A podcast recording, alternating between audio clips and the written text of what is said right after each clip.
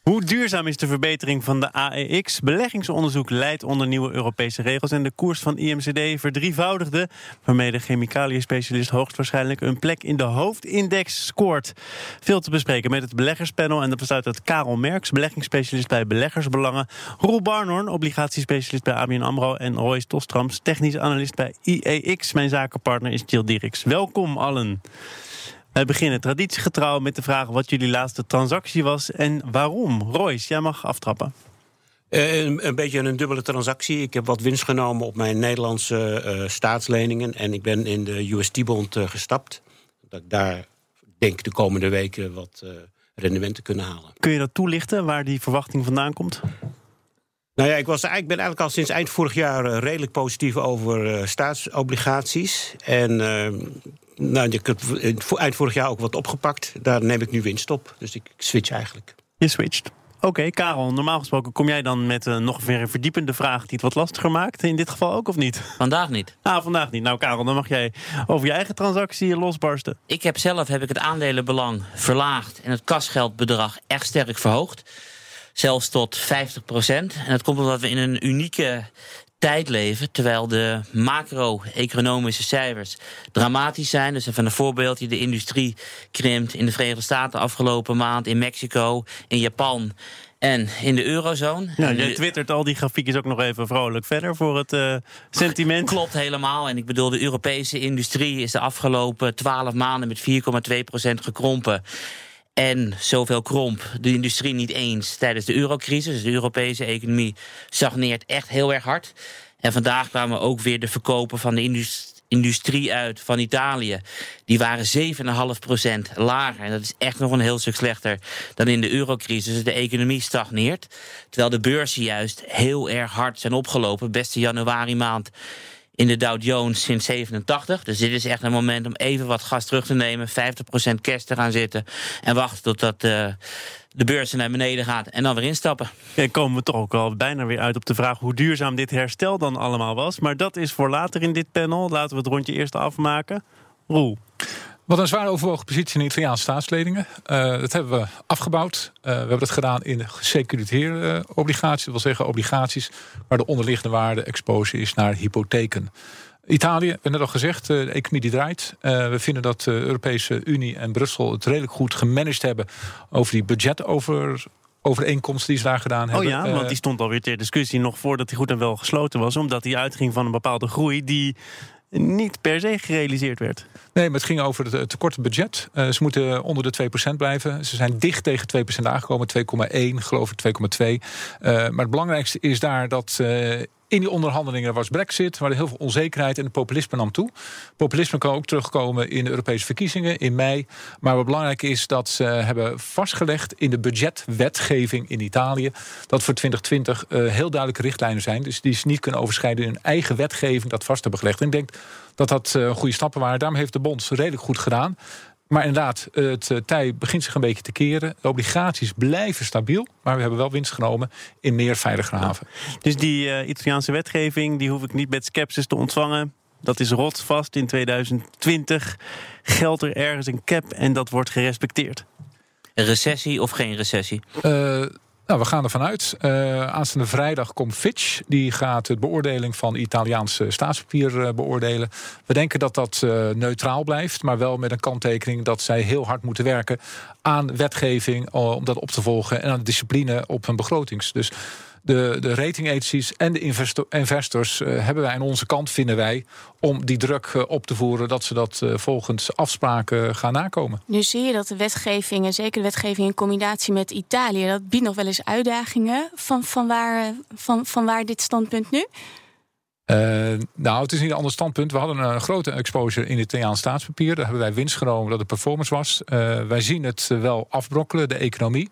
Uh, maar die wetgeving wordt pas gechallenged als het budget voor 2020 naar voren komt. Dus dan zitten we waarschijnlijk weer in een andere kader en een andere omgeving. op dit moment vinden we het mooi hoe Brussel het gedaan heeft met Brexit. Het populisme toenemen. Met ontzettend veel druk vinden we dat ze toch ja, hun best gedaan hebben om daar voor beide partijen wat in te hebben. Dus positief, maar voorzichtig. Precies.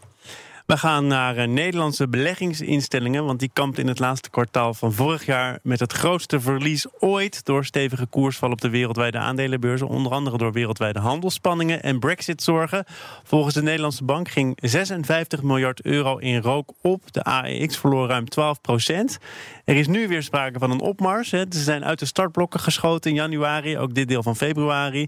Royce, is dit de weg naar nog veel meer moois? Of is dit een uh, tijdelijke opleving? Als je wat verder weg kijkt, kijkt dan denk ik wel dat we, een, uh, dat we een prima bodem hebben gelegd. Dat sluit niet uit dat we tussentijds nog een uh, correctie kunnen doormaken. Nou, laten we zeggen voor de AIX staan nu zo rond 536 naar de ongeveer 500 punten. Dat zou uh, mooi zijn. Zou die ook voor het eerst ook een hogere bodem vormen, wat technisch wel belangrijk is. Maar ik heb naar die. Wat bedoel je met technisch wel belangrijk? Nou ja, een hogere bodem geeft vaak aan, geeft goed aan dat er weer op hogere niveaus wordt ingestapt of bijgekocht. Ik heb die, die daling eens bekeken van eind vorig jaar en vergeleken met die stijging van dit jaar. En we hebben er uh, precies 40 dagen over gedaan om naar 540 te stijgen. Maar we hebben er 60 dagen over gedaan om 540 naar 476 te dalen. Dus we gaan harder omhoog dat we omlaag gingen. Dat betekent, wat mij betreft, dat er haast zit bij de beleggers. Die hebben toch een fout gemaakt, denk ik. En uh, gezegd van nou, we gaan toch weer uh, wat stukken bijkopen. Ja, is dit Volgens de correctie van een fout? Hebben beleggers geen fout gemaakt? Want waarom ging het zo hard naar beneden in 2018? Het was omdat Jerome Powell, de voorzitter van de Amerikaanse Fed, heeft gezegd: we, hebben we gaan nu echt beginnen met het afbouwen van de steunmaatregelen. We hebben de geldpers gebruikt en we gaan ook tijdens een crisis gaan we de geldpers terugdraaien, dus geld vernietigen. Beleggers schrokken, alles ging naar beneden. En, en wat deed hij toen? En toen zei hij van we gaan toch verder uh, met het vorige beleid. We gaan helemaal niet draaien en we willen zelfs quantitative easing, zoals de geldpers in de vaktermen heet, misschien nog wel vaker toepassen dan alleen in crisissituaties. Dus hij haalt Baxel, hij capituleert. Klopt, want de Amerikaanse economie groeit de afgelopen, groeide de afgelopen twaalf maanden met waarschijnlijk een procent of drie. En hij heeft zelf gezegd in 2019, minimaal het eerste half jaar gaan we de rente niet verhogen. En dat is natuurlijk een draai van 180 procent. Maar goed, Royce die komt met een andere verklaring. Die heeft de, de statistieken er eens op nageslagen. Daar zit dan toch ook wat in? Klopt, als je de statistieken erop naslaat, dan vallen twee jaartallen op. 31 en 87. Waarom 1931? Het was de slechtste decembermaand op de beurs sinds 31. En waarom 87? Het was de beste januari maand sinds 1987. 31 had je 20% rendement in de Dow Jones in de eerste twee maanden van 32. Iedereen zou zijn eigen statistieken merken. Klopt. En ja? vervolgens ging de beurs uh, naar beneden. En 87 word ik ook niet heel vrolijk van. Want niemand heeft het over januari 87. Iedereen heeft het over de vijf dagen in oktober. Dat de Dow Jones met 36,1% daalde. Oké, okay, Royce. Maar ik zie wel dat we een hele belangrijke uh, zeg maar indicator uh, over het hoofd zien. Dat zijn de volumes op de beurs. En dus ik, ik meet dat echt elke dag met mijn team. En ik zie de volumes bijvoorbeeld tijdens de daling van vorig jaar. Die waren relatief bescheiden. En de beursvolumes, dus de handelsomzetten op de beurs. tijdens de stijging naar die 540 van de week. Uh, die zijn met hele hoge omzetten gepaard gegaan. En we kunnen dat af, we kunnen dat meten in een, in, we noemen dat de geldstroom. En de geldstroom in de beurs was veel hoger dan de uitstroom uit de beurs. Dus in december dus, gebeurt er eigenlijk vrij weinig. Dus als er dan wat gebeurt, heeft dat een veel groter effect. Ja, je ziet dus dat er veel meer geld bij is gekomen... dat er toen in die daling aan de markt is onttrokken. En dat vind ik wel een, zeg maar, qua vermogensbeheer... en qua, zeg maar, hoe de marktpartijen zich uh, uh, opstellen in de, in de markt... vind ik dat wel een heel mooi, uh, mooi... Ik vind dat een mooi signaal. Nogmaals, ik denk dat je tussentijds wel een correctie kan hebben... van enige omvang. Maar daar dat, komt Roel Barnhoorn, heeft het even aangehoord... en komt nu met een weloverwogen slotsom. Nou, ik denk we hoeven niet zo ver terug te gaan. Als je kijkt uh, naar 2017, waar we een gesynchroniseerde wereldgroei hadden, ging iedereen er, er vol in en uh, dachten gewoon we moeten ons positioneren voor 2018. Een voor... gesynchroniseerde wereldgroei. Ik heb het allemaal meegemaakt, maar nooit zo opgevat. Wat wil, wat wil dat zeggen? Nou, wil zeggen dat uh, alles bij elkaar opgeteld, dat alle groeien van alle landen bij elkaar, dat het een multiplier is. En dat multiplier effect hebben we gewoon in het laatste kwartaal van 2017 is het gewoon afgevlakt. we hebben gezien dat de industrie eigenlijk door het hele Trump-verhaal onzeker geworden is. Gevolgd daarop, uh, het unemploymentcijfer was eigenlijk niet zo echt sterk in december. Het is in januari weer teruggekomen. Ook consumentenvertrouwen is weer teruggekomen. Dus ik denk dat de beleggers dat thema toch weer gebruiken voor, om, om weer in te zetten. Als ik kijk naar de obligatiemarkt, waar ik er zelf in zit, uh, dan zie je dat de rente, uh, we zitten in een lage groei en lage renteomgeving. En dat gaat niet veranderen. Dus in 2017, wat ik net noemde, een multiplier voor de groei, wordt het gewoon een soort, ja, we kunnen zeggen normalisatie, maar een consolidatie eigenlijk op lage groei, lage rente. Want gaat die lage rente echt niet veranderen? Die zekerheid hebben we al? Uh, het ligt aan hoe je definieert. Het is allemaal definitie en wat de perceptie is. Lage rente wil zeggen uh, rente rond de 2,5% maximaal. En dan kan je voor Europa zeggen misschien een Japan scenario. We hebben heel veel elementen in Europa wat op Japan lijkt. En de Europese Centrale Bank. Uh, wij hebben zelf als ABN een renteverhoging staan eind 2020. Maar er wordt heel veel gespeculeerd, ook op de laatste meetings die ze hadden... dat er geen renteverhoging meer eigenlijk op korte termijn aan zit te komen. Dus dan heb je een lage groei, lage rente scenario. Wat doet dit sentiment voor de, voor de multipliers of voor eigenlijk de wat kortlopende markten? Wat de multipliers zijn? Ja? Nou, dat je consumentenvertrouwen hebt, dat uh, de, de, bedrijven uh, vertrouwen hebben om in te investeren. Nou, dat, dat neemt terug. Dus dat zijn eigenlijk voorlopers uh, van indicaties. beleggers kijken ook naar consumentenvertrouwen. Dat zijn de achterliggende indicatoren. En we hebben vorige week gezien, we hebben natuurlijk een shutdown gehad in Amerika, dus die cijfers lopen iets achter.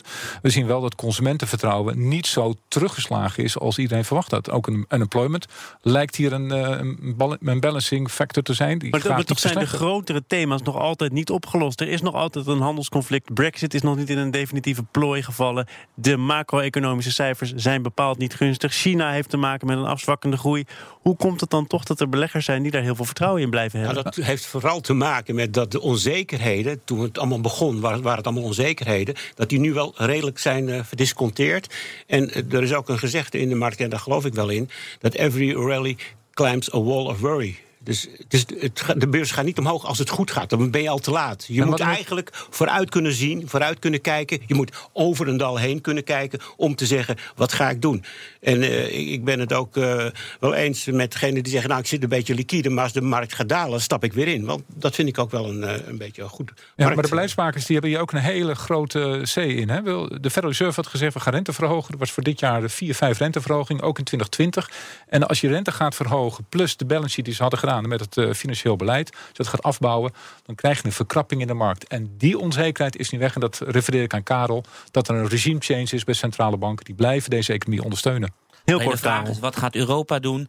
We gaan een recessie in. Duitse staatsobligaties 0,08 procent. En de grote vraag is, wat gaan we doen? Komen we misschien niet meer helemaal aan toe vandaag. Wel andere onderwerpen die we zeker nog gaan bespreken. Onder andere over de analisten die steeds minder onderzoek doen. Het beleggerspanel is de gast en dat bestaat uit Karel Merks, beleggingsspecialist bij Beleggersbelangen, Roel Barnhorn, obligatiespecialist bij ABN AMRO en Royce Tostrams, technisch analist bij IEX. Mijn zakenpartner is Jill Dirks en uh, wij gaan praten over iets waar jij, Jill, de uitzending al mee begon, namelijk beleggingsonderzoek dat leidt onder nieuwe Europese regels, zogenoemde MIFID 2. Blijkt uit onderzoek van een uh, instituut, het CFW-instituut. Er zou minder en slechter onderzoek worden gedaan.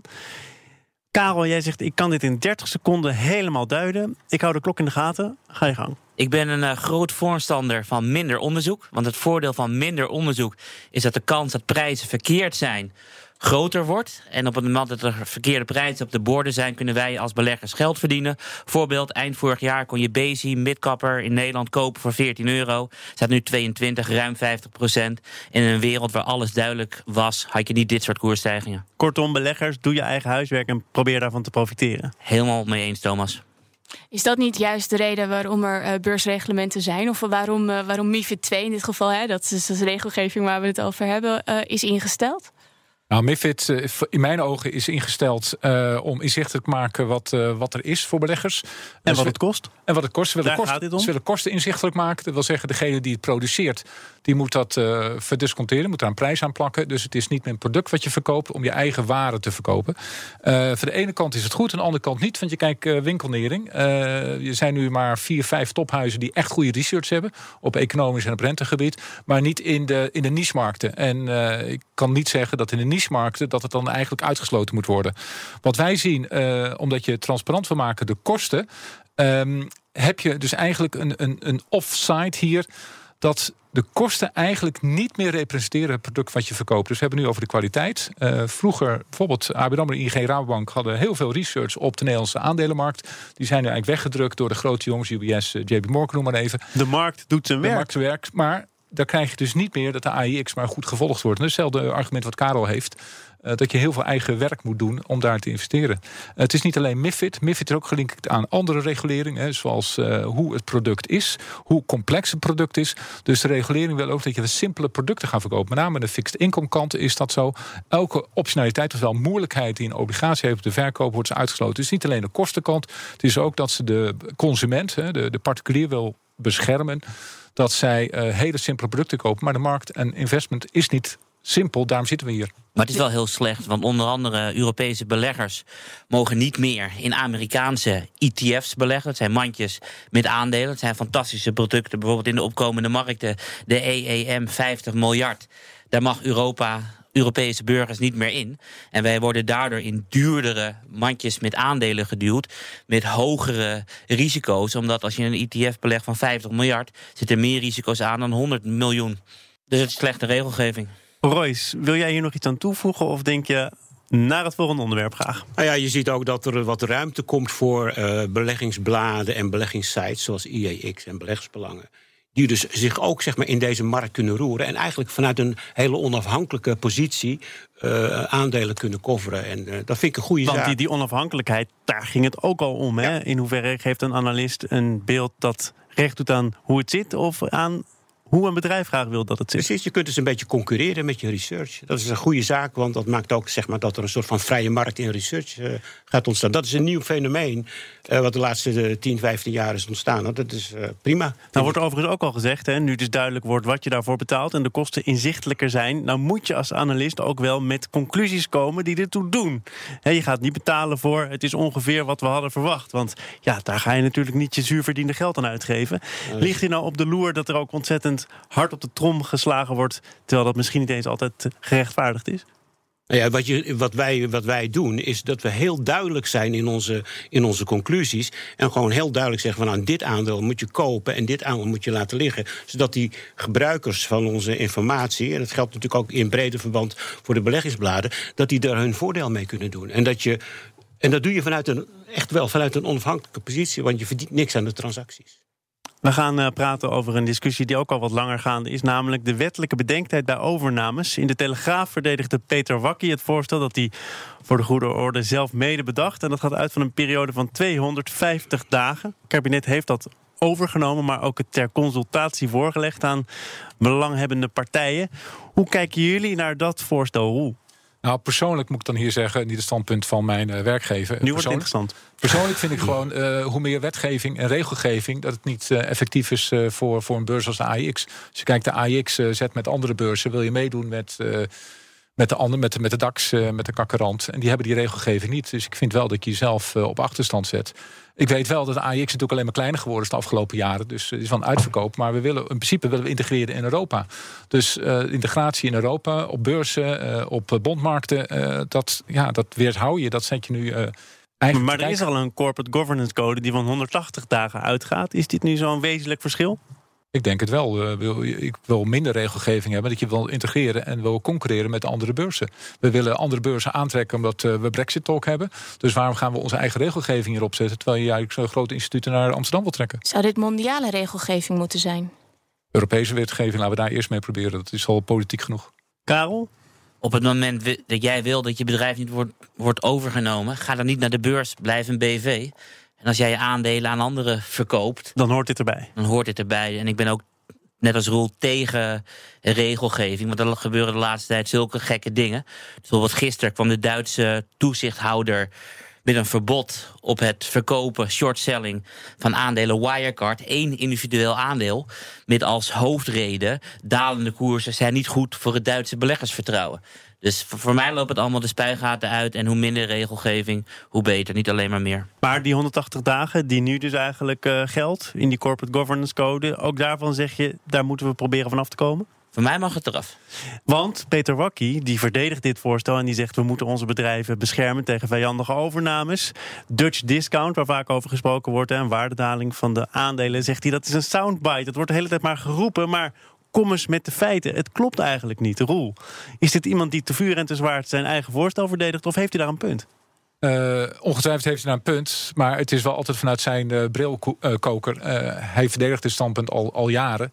Hij heeft er ook aan meegeschreven. maar nogmaals, als ik belegger zou willen zijn, wil ik vrijheid hebben van de handelen.